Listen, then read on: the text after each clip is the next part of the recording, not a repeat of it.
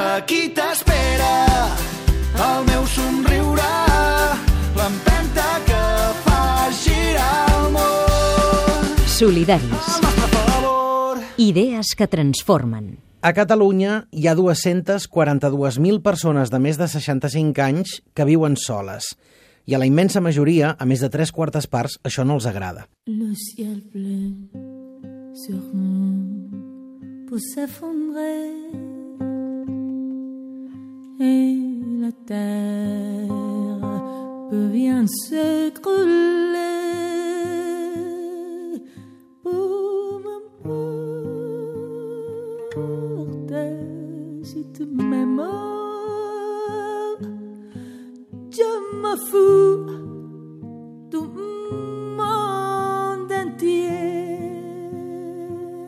És l'anomenada soledat no desitjada, que sobretot afecta les dones.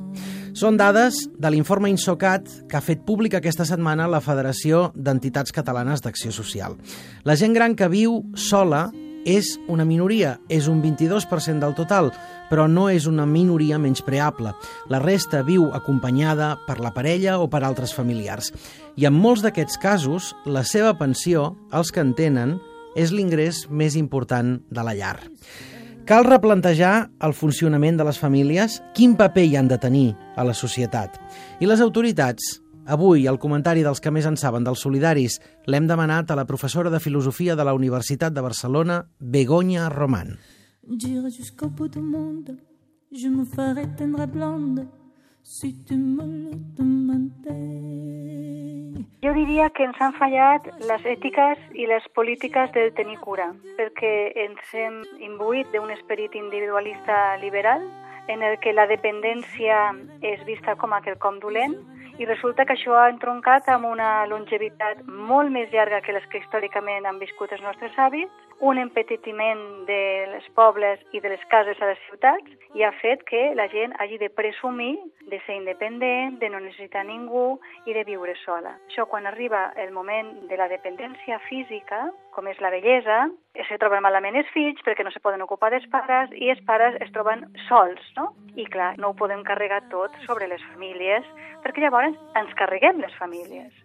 Crec que hem de pensar en alternatives. Una d'elles és desfer-nos de la visió vergonyosa de la dependència. La dependència és una condició natural que no és només esporàdica, estem malalts, necessitem, fins i tot quan estem sants i treballant, vincles de reconeixement, lligams amb els nostres pares i amb els avis. Per tant, cal replantejar unes polítiques on el tenir cura sigui molt més quotidià i no tan extremat quan ja va una dependència molt gran, com són els Alzheimer's, a correcuita prenent decisions perquè la mama o el papa ja no poden viure sols. No?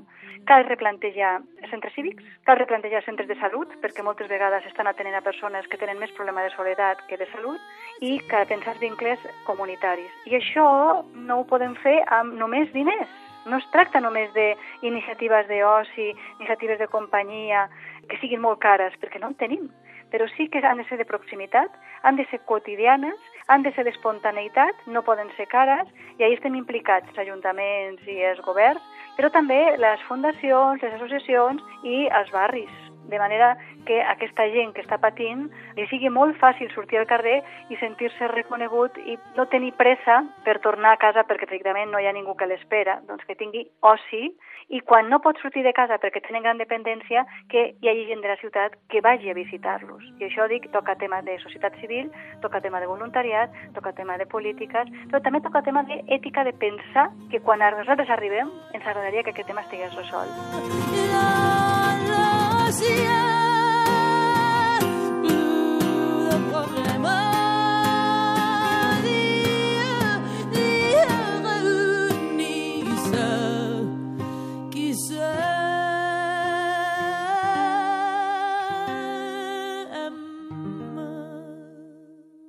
A Facebook, a Twitter i a catradio.cat, Solidaris, amb Adrià Bas.